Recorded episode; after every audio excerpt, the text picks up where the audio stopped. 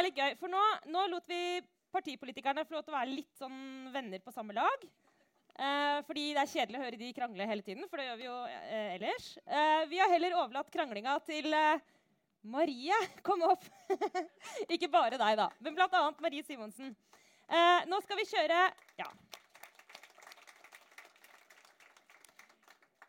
Nå skal vi kjøre tre kjappe dueller. Jeg skal ta tida. Eh, jeg nevner ja, Dere kan jo lure på hva de to neste er, så nevner bare denne duellens tematikk. Du er invitert opp for å utfordre Bård Vegar på ti minutter på hans syn på det multikulturelle. Er du klar? Du skulle tro at du jobbet i en tabloidavis liksom nå legger liksom at nå skal vi kjøre en kjempeduell. Uh, ja, vi skal snakke om verdifellesskap. Det er jo det er jo ikke minst til glede for kommentarfeltet som følger dette her intenst der ute. Og det er det som kommer til å bli, bli eh, kanskje spesielt bemerket eh, etterpå. Eh, jeg vil ta opp det du sa, at eh, multikulturalismen er død. Eh, jeg stusser litt over det hele tiden, for det har jeg hørt mange si i det siste. Og den eneste stedet jeg har sett at multikulturismen lever, er jo i kronikker som angriper Thomas Ilan Eriksen for hva han skrev på 80-tallet. Så hvorfor føler du så sterkt behov for å si det nå? Altså, jeg, jeg, jeg er enig i at altså, bruke begrep som at noe er død, er en dårlig måte å formulere seg på. Jeg, jeg, tror faktisk ikke det er sånn jeg omtaler det i boka. Eller. Jeg tror jeg skriver at den, er den dårlig fungerende idé. Mm den, vi har jo aldri hatt den ideologien i, i, vesentlig grad i Norge. i det hele tatt. Den har vært dominert land som Canada og USA, til dels Storbritannia, Nederland, eh, Australia og New Zealand. Men eh, når jeg er opptatt av det nå, så er det for å, kanskje mest for å tydeliggjøre en posisjon der jeg tror at ideen om at ulike kulturer med stor grad av grupperettigheter, med sterk indre autonomi eh, og ofte helt egne verdier kan leve side om side i et samfunn. Jeg tror det fungerer dårlig. Jeg tror at det må være sterkere felles normer og verdier mellom grupper. Hva, hva slags mm. ting kan det dreie seg om? da? For, vel, det kan dreie seg om f.eks. at religiøse grupper har sterke egne rettigheter. Eller at kulturgrupper Ta Nederland som eksempel. da, mm. Som har en lang tradisjon for at uh, det egne skoler, egne trossamfunn, er sterke rettigheter hos enkeltgrupper.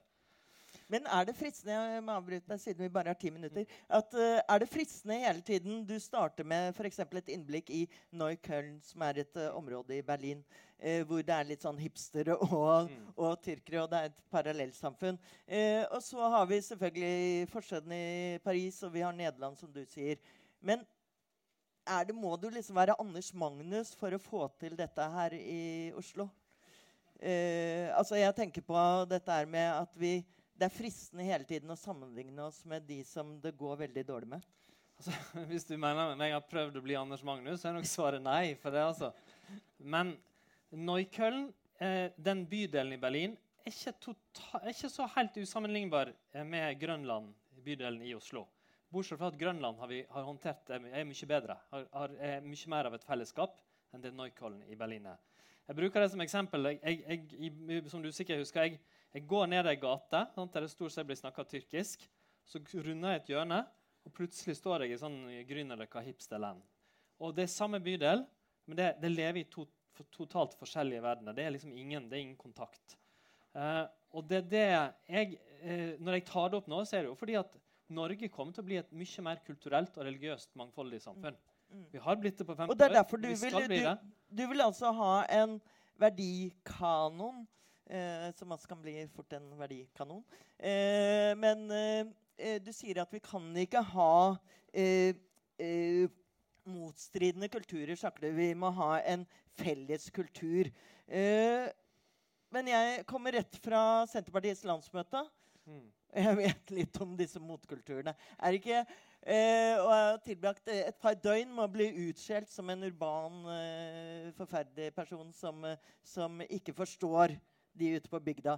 Så er det ikke sånn at Norge er bygget på um, litt motstridende kulturer. Jo, Dette vet vi alt om. Uh, altså, vi tåler jo vi tåler forskjellen mellom deg og Senterpartiet for å si det sånn, i samme land. Og det tror jeg, jeg tror det er bra med masse uenighet. Men jeg er helt overbevist om at det må være en sterk base av felles verdier, og at vi forstår Mm. hverandre på en del ting. Mm. Og jeg tar det jo selvsagt opp fordi Norge blir et mer kulturelt og religiøst Mm. mangfoldig samfunn. Men òg fordi med økende klasseforskjeller samtidig så er jeg redd for en kombinasjon av det.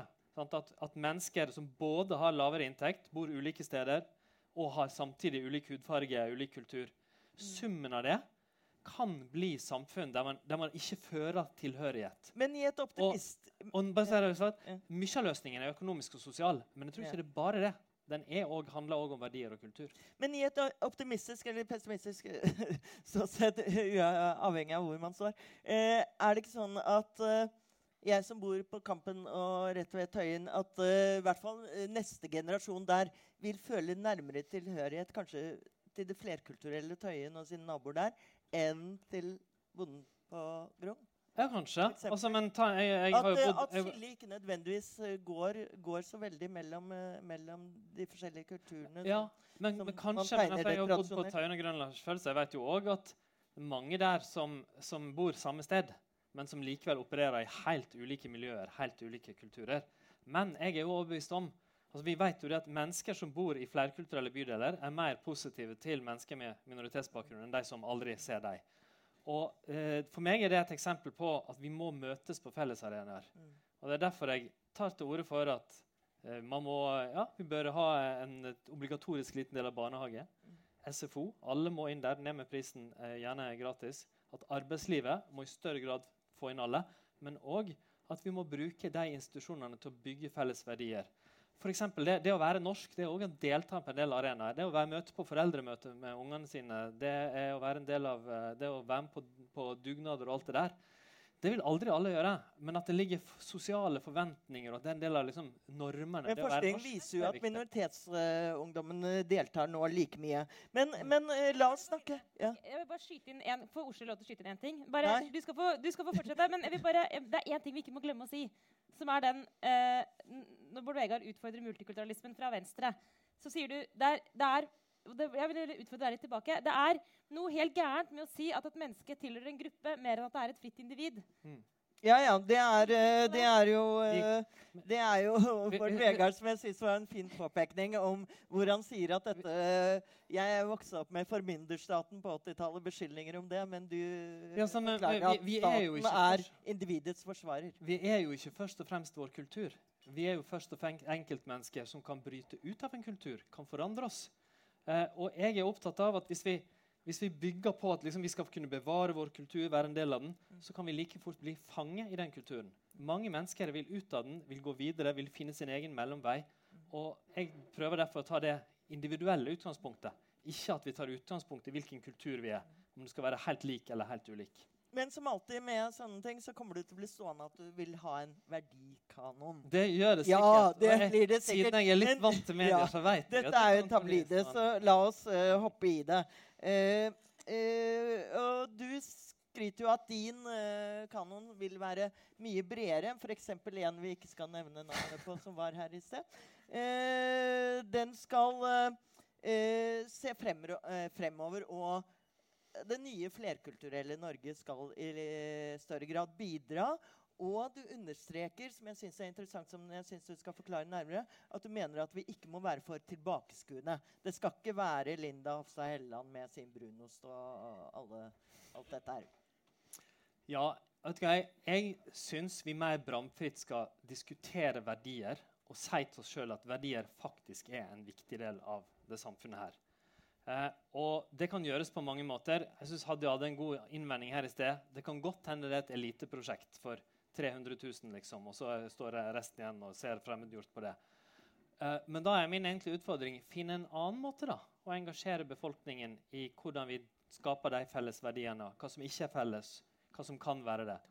Og det, så la meg kanskje si at Jeg har tenkt sånn, jeg, skre, jeg tenkte jo på det her, skal jeg la være å ta med den delen. tenkte jeg. Nei, jammen tar jeg det med. Blir det Men hvis vi sier da det. ikke sant, altså det, kritisk. det som er eh, liberal rettsstat, likestilling, demokrati, det er liksom verbelagene. Men etter det så blir jo alt litt sånn eh, Jeg syns jo den beste definisjonen er den du eh, omtaler i boken. At vi henger votter på gjerder som er eh, tapt. Men hva skal det nye, hva ser du som det viktigste som nye flerkulturelle Norge skal ta med seg? Det aller viktigste er eh, at vi må skape eh, Vi må tenke sånn at når mennesker kommer til Norge som innvandrere, gradvis gjennom mange år, så skal vi, så vi være et fellesskap. Og hvis vi vil ha, invitere dem hit, som er realiteten vi gjør, så må vi ta dem inn på en måte som, altså, som, er en invitasjon, som det er mulig å si ja til. Vi må, vi må kunne stille en del krav om at sånn er det i Norge. Men det, da må vi jo forstå at Norge endres. Når det og da er mitt siste spørsmål Nei, Jo, jeg har et halvt spørsmål. Hvem skal gjøre det? Er det deg? Nei. Det, det er vel uh, Du, holdt jeg på å si? Nei. Det, det er vel uh, Det er vel uh, det er, altså det er sammen, liksom. Det er grupper sjøl, det er politikere, det, det er samfunnet. Ja. Tusen Takk. takk, Takk. duellant Marie Simonsen fra Dagbladet. Kom igjen, Guri. Neste duell. Jeg må jo si at Det er litt sporty å invitere til dueller på sin egen lansering. Det, det synes jeg er en bra form for, form for eh, sjølpisking. Eh, verdifellesskapet har vi snakket om nå. Eh, et stort tema. Så kommer vi inn på et annet stort tema i boka og stort tema i samfunnsdebatten. Og da er du, Guri Hjeltnes, kommet opp eh, hit for å være neste duellant ut. Em, mellomkrigstiden. Ja, og mellomkrigstiden har Bård Vegar brukt syv sider på. Og den skal vi nå løse på ti minutter. Jeg har tenkt å ta opp tre ting. Uh, uroen din, uh, farfar og deg, og mellomkrigstid, og kanskje et færpoeng. Uh, hvor urolig er du egentlig? Eh, står vi foran en ny krig? Nei, det, det tror jeg ikke. Um, jeg, det, det er ikke gjentakelse jeg er redd for. Det er mønster som er litt sammenlignbare. Mm. Og det er Jeg tror ikke, jeg tror ikke fascismen for eksempel, og, og diktatoriske tendenser vil komme marsjerende med hakekors og på samme måte. Mm. Men jeg tror at noen av de samme snikende tendensene i samfunnet kan gjøre seg eh, gjeldende. Det kan vi komme tilbake til. Det som eh, er eh, veldig flott i dette lille kapitlet på syv sider om mellomkrigstida, det er jo at det handler om mellomkrigstid, men det handler også om farfar. Mm. Kåre Solhjell. Og Siden det ikke er så mange som sier noe, så kan jeg si noe om det. For som historiker så syns jeg du har vært griseheldig som har sittet med et sånt enestående materiale. Eh, din farfar, Kåre Solhjell, han var jo redd for ny krig. Det går jo gjennom hele det lille kapitlet om mellomkrigstida. Eh, du sa hvordan han opplevde Han var jurist eh, fra Tromsø. Eh, startet ut i Lofoten. Dommerfullmektig der kom til Handelsdepartementet. Var i Handelsdepartementet under annen verdenskrig, eller det lille han fikk være aktiv før han ble arrestert. Men du nevner opp alt det han opplevde, nemlig uh, Mussolini uh, i 22, uh, 1933, Adolf Hitler, spanske borgerkrigen, Osietzis nobelpris. Hele den håndskrevne Mm. taler. Og der er det særlig det ene foredraget, så sier du Du siterer han helt direkte, hvor din farfar advarte mot krig. Han var jo politisk aktiv i AUF og med mot Dag helt på tampen mot Dag. På trappen av en ny verdenskrig. Mm. Så liksom, det du legger opp til, er jo nesten det samme. Så, du, du, du, så, så, så når du tok den parallellen, så må du ha sett at du utsatte deg selv for å være For du identifiserer deg også med han. Ja. Og jeg holdt på å si litt, litt drama må det jo være i litteraturen. Mm. Men jeg, men jeg, jeg, jeg, tenkte gjennom den parallellen. Mm. Eh, og jeg, jeg, jeg prøvde derfor å skrive det sånn at når man leser, skal ikke det være tvil om at det ikke er krig direkte jeg frykter. Mm. Men jeg syns hans uro var interessant òg fordi at jeg kan se den på det. Jeg har jo materiale liksom, som jeg, jeg kan se den utvikle seg.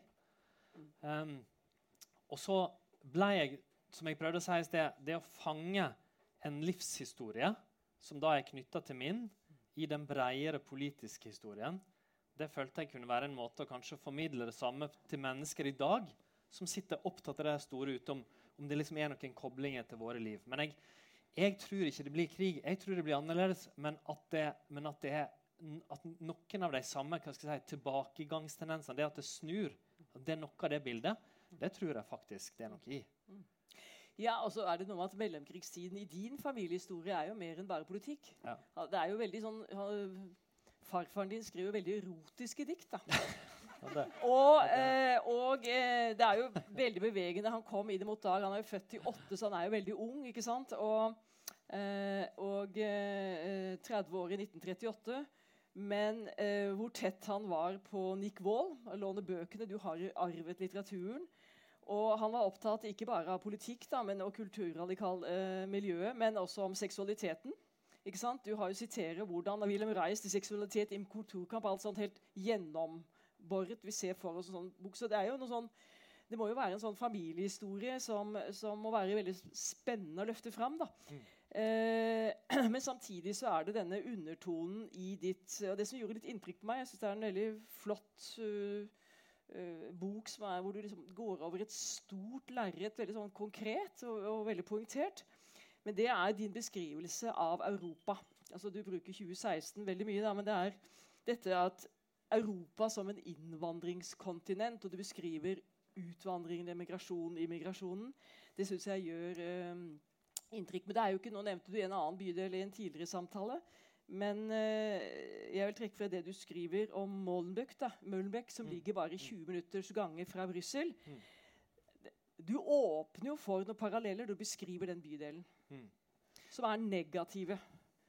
Ja, eh, Voldelig mot terrorismen, mot uten kontroll, et samfunn utenfor Altså- altså, storsamfunnet. eh, Molenbeek er en bydel som ingen i Norge, tror jeg, eller vil si noen helt få, dessverre, men de fleste av oss vil aldri ønske å leve i den.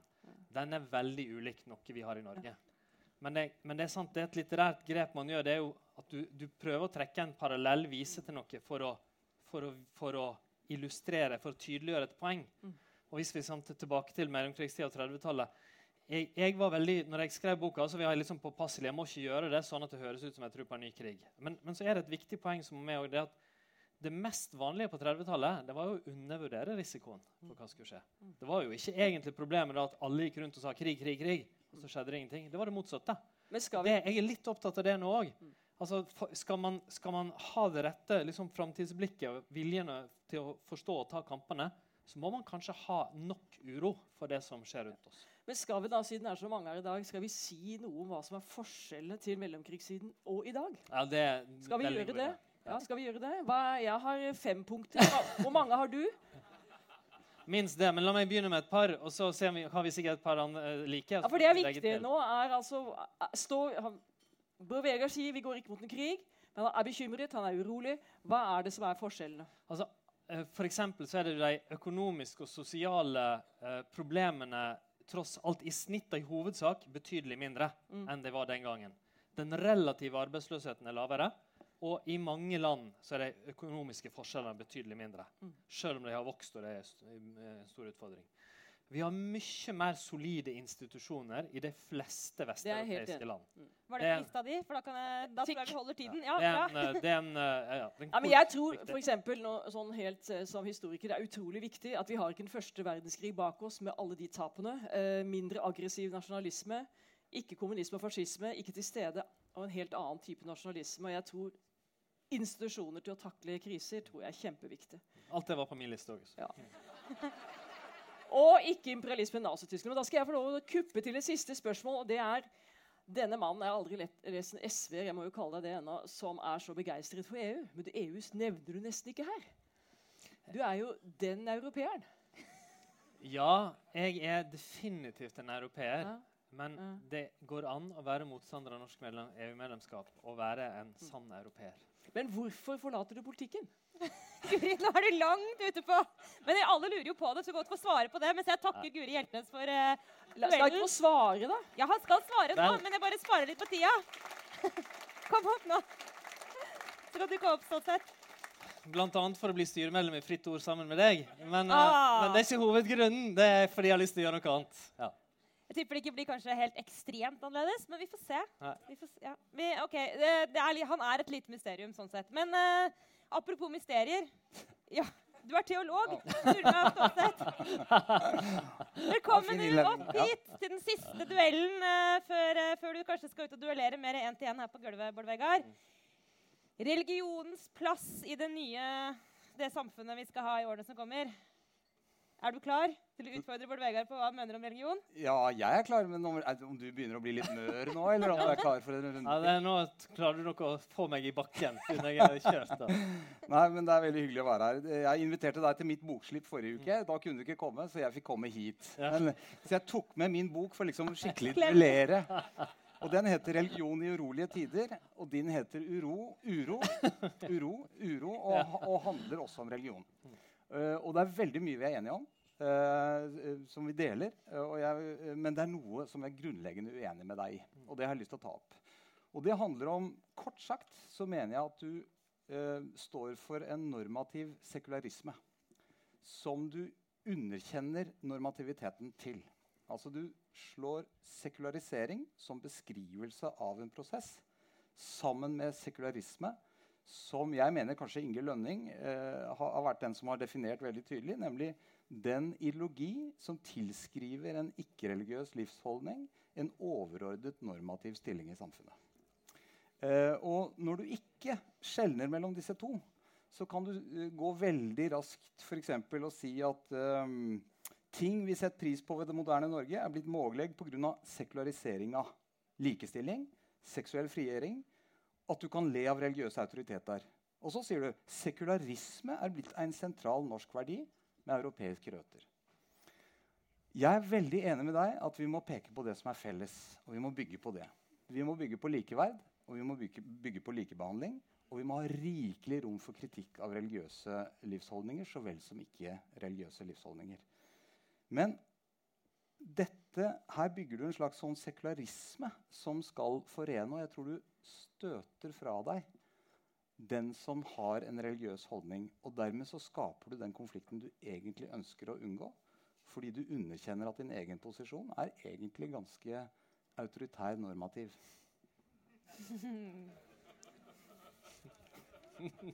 Du sa det med veldig myk stemme. Det, altså jeg er, jeg er både sekulær og sekularist. Jeg forstår Det du prøver å gjøre et skille i der, det er at en sekulær samfunnsutvikling, forstått som en, en samfunnsutvikling der religion spiller en mindre og mer tilbaketrykt rolle, versus sekularisme som en ideologi. Men jeg, når jeg hører deg bruke begrepet sekularisme, da, så lurer jeg på om du egentlig snakker om ateisme. Nei, For sekularisme betyr ikke at du eh, på noe, Sekularismen tar ikke stilling til om folk tror på noe, og hva de tror på. Sekularisme er, hvis du går til for Store norske leksikon, det er det samme som livssynsnøytralitet. At statens institusjoner ikke gir noen livssyn, heller ikke det å ikke tro, forrang framfor andre. Og eh, det er kjernen i det jeg omtaler som sekularismen eller en sekulær stat. Men så bruker jeg begrepet i overskrifta. Du har sikkert lagt merke til det, eh, men du nevnte det ikke nå. Tolerant sekularisme. Og det er fordi sekularisme, altså det at vi har eh, en stat der, eh, der ingen livssyn har en uh, hovedrolle, som vi langt på vei har i Norge, men med noen unntak, den finnes i ulike varianter. Den finnes i det du mener jeg kanskje var en autoritær, hva du kalte det, normativt autoritær variant. enn, eh, der. Og så finnes det i varianter som gir mer rom for livssyn og religion i samfunnet. Og det som er mitt syn, er nok at staten skal være strengt livssynsnøytral. Og religion som forkynnelse og idé skal være tilbakeholden, skal være som kunnskap og innsikt. Men i samfunnet så skal vi ikke bare ha stort rom for at religionen kan eksistere og spille ut. Vi skal til og med aktivt understøtte den. Sånn som du bl.a. i en utmerket NOU du har leda, har lagt eh, grunnlaget for ved å kalle det det livssynsåpne samfunn. Mm. Og jeg spisser det litt til, fordi eh, det livssynsåpne samfunn mener jeg bygger på det sekulære, men ikke på sekularismen. Eh, og når du sier at sekularisme er blitt en norsk verdi, og du nett etterpå i, i din tredje regel for, eh, eh, for eh, Hva er det du kaller det? Tro, fem prinsipp for religion i det moderne Norge, sier norsk først, religiøs etterpå så er det vanskelig å forstå det annerledes. Du, du spiller jo her på Grundtvig, som sa 'menneske først, kristen så'. Det er noe annet. For det menneskelige er det grunn, virkelig det som vi har felles på tvers av nasjonaliteter og hva det måtte være. Mens det å være norsk først, og sekularisme som norsk verdi, og så religiøs etterpå, da vil i hvert fall mange religiøse føle at de kommer litt sånn med bøyde hoder. Det gjør de kanskje uansett, men kommer litt sånn forsiktig og, og på din tillatelse til stede til samtalen i rommet. Og det er det samme når du sier at, for eksempel, at i skolen bør det ikke være noe forkynnelse, bør ikke være rom for forkynnelse, bør ikke være bønnerom. Det er å hive skolelagene ut av alle eh, skolene i, i landet. Eh, skoleandakter har vært vanlig lenge, og så kommer det et mer mangfoldig samfunn. Og så skal religion bli farlig. Jeg tror du bidrar til å farliggjøre eh, religiøsitet ved å prioritere sekularismen. Jeg stiller det litt på spissen, men jeg vil ha det på. Ja, men, eh, jeg, la meg først si at Når jeg skriver norsk først religiøs etterpå, så presiserer jeg som du sikkert la merke til i teksten, at jeg ikke mener norsk i betydningen eh, bare nordmenn som sådan først. Men at når de lover og regler og det som gjelder i samfunnet, skal ha forrang framfor de som gjelder i et trossamfunn eller innenfor en religion. Um, jeg har tenkt på det selv. Jeg kunne skrevet det universelle først, eller det menneskelige. Men jeg valgte òg norsk, eh, nettopp for å tydeliggjøre at det, det, som, det, det vi har, kan bestemme over, er innenfor Norge. Så tror jeg du tar eh, feil, rett og slett. Fordi eh, det jeg opplever at du nå prøver å gjøre, det er å sette en kile mellom på den ene sida livssynsnøytralitet eller sekularisme og åpenhet for livssyn på den andre sida. Mm. Det jeg prøver å gjøre, er å si at det er feil å velge mellom de to tingene. Det er tvert imot å prøve å bygge en bro over dem. Mm. At staten og skolen skal være nøytrale.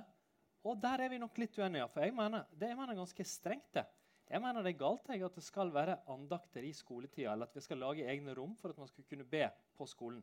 Vi må gjerne leie skolen på kveldstid til alt man vil, selvsagt. Men altså, nå snakker vi om skoletida. ikke sant? Mm. Uh, det, det, er faktisk ganske viktig at i et samfunn der en by her der, der vi, folk tror på alle mulige rare ting, og flertallet oss, uh, eller ikke meg inkludert, da, men mm. ikke, ikke tror på Gud, uh, der, der, kan ikke det spille en dominerende rolle i fellesinstitusjonene. Og det er, ikke, det er ikke i motstrid at staten er livssynsnøytral og sek sekulær. Det er ikke i motstrid til at sivilsamfunnet, trossamfunn, eh, eh, gatelivet kan være prega av ulike livssyn mellom hverandre. Det er der jeg føler du gjør den feilen og setter deg opp mot hverandre når det egentlig bør eksistere side om side. Mm. Det du gjør, er å sette opp uh, Det står ikke mellom kristendommen og islam. Det står mellom et sekulært eller et religiøst samfunn. Mm. Det livssynsåpne samfunn er verken sekulært eller religiøst fundert. Det er inviterende til ulike former for livssyn, sekularismen inkludert. Men sekularismen er ikke den plattformen alle må stå på. Den er én av disse posisjonene. Og i skolen Jeg er enig med deg at staten skal være sekulær, skal være likebehandlende overfor alle. Skolen som institusjon skal også være likebehandlende overfor alle. Eh, uansett livssyn. Men det betyr jo ikke at ikke skolen nettopp skal oppfordre til å la religiøsitetens forskjeller, på samme måte som politikkens forskjeller eller verdiforskjeller ellers, få spille seg ut i rammen av den arenaen, slik at vi tåler hverandre og lærer av hverandre også der. Å forklare den og vise den fram? Ja. Å la den bli forkynt? Nei, er min posisjon. Uh, men jeg tror, at, uh, altså jeg tror at det sekulære kan være en basis for det her som samfunnsorganisasjon. Og så er Det nok en grunn, sant? Det er en bevisst grunn til at jeg tar det opp spesifikt nå. og er mer religionskritisk nå enn jeg var for ti år siden. Og det er fordi det vi ser globalt, det er at religion styrker sin plass for en mer dominerende plass i politikk og samfunnsliv. Og ikke minst selvsagt, at islam plutselig er som en ganske nytt, eh, som en ny religion i vestlige land. Eh, der det jo er, som er mer konservativ, ikke har vært gjennom den endringsprosessen som protestantismen den norske kirke har vært gjennom. Mm. Og jeg tror at et veldig konservativt islam vil ha vanskelig for å kunne samfungere godt med det norske samfunnet. Akkurat som en kristendommen à la Ole Hallesby kunne ikke ha fungert i Norge i dag. Det må gjennom den endringsprosessen. Takk for utfordringen. Dere klarte det! Tusen takk til eh, Sturla Stålseth. Og um, helt uh, Helt avslutningsvis, Bård Vegard, altså apropos mysterier. Nå prøver jeg å oppsummere mens Sturla og du snakket her nå. Så du er en, en EU-motstander som elsker Europa. Du er en relativt kristen person, i hvert fall medlem av, av Kirken. Men du er altså en varm forsvarer for det sekulære samfunnet. Du er en grunnleggende optimistisk person som skriver en hel bok om at du ser svart på framtida. Eh, du er definitivt en med de rette verdiene, og, og du, har, du har en, vil jeg tro, en klokketro på eh, det fargerike fellesskapet. Mm. Men du reiser likevel en debatt om innvandring fra et ståsted til venstre. Så du er i det hele tatt en sammensatt uh, Som politikertype. Uh, det er jo også grunnen til at du er spennende å høre på. Uh, og Det er lett å tøyse med venstresida, men det er én negativ ting som vi kan slå fast, og en positiv ting. Det er noen ganger litt for mange ferdigtygde svar på venstresiden. Men trangen til selvpisking gjør at man også da har en bokplassering hvor man utsetter seg selv for eh, et bombardement av argumenter mot sitt eget bokprosjekt. Det syns jeg også er ganske kult. Så med de ordene der så skal jeg si på vegne av kapitalismen at boka di er til salgs eh, baki her. eh, nå umiddelbart. Hvis du har krefter igjen, skal du sitte og signere litt. Mm. Skal jeg gjøre det. Jeg har krefter til det. Du har det. Har du, penger. har du noen avsluttende ord til ditt perfekte Nei. publikum? Bare tusen takk for at dere møtte opp. Veldig hyggelig å være her. Og jeg håper folk vil ha glede av boka mi.